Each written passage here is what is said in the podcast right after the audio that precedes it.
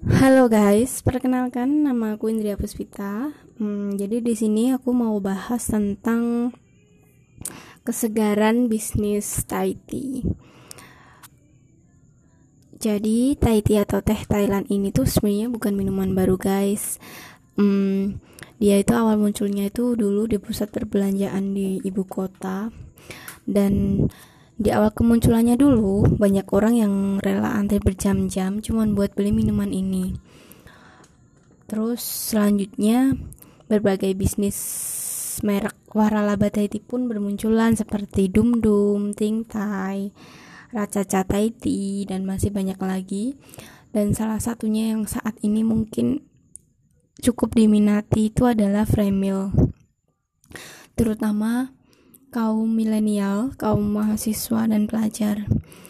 Oh ya, bisnis Thai tea ini tuh sekarang marak dijajakannya tuh di pinggir jalan karena uh, keuntungan yang mendorong para pelaku usaha minuman Thai tea ini meluas. Jadi nggak hanya di mall aja, tapi juga di kaki lima. Terus ada nih salah satu uh, pemuda bernama Rizal Setiawan yang punya bisnis Thai tea yang awalnya cuman coba-coba bermodalkan uang 70 juta dan sekarang mungkin omsetnya sudah ratusan juta. Sekarang dia punya 20 sekitar 20 gerai dan 30 karyawan. Jadi dia itu bikin bisnis ini awalnya memang sasarannya itu untuk benar-benar untuk kaum milenial dan memang pas sasarannya karena memang peminat dari Taiti ini kaum milenial dan dia terbilang sangat uh, kantong mahasiswa. Harganya itu mulai dari Rp7.000 sampai Rp15.000 saja.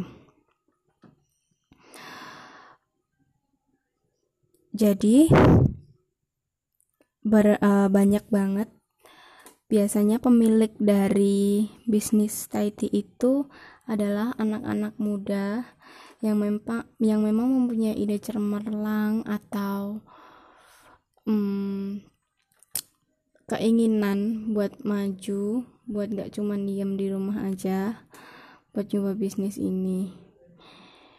Uh, cukup sekian aku jelasin tentang Thai tea kalau ada kurang lebihnya mohon maaf see you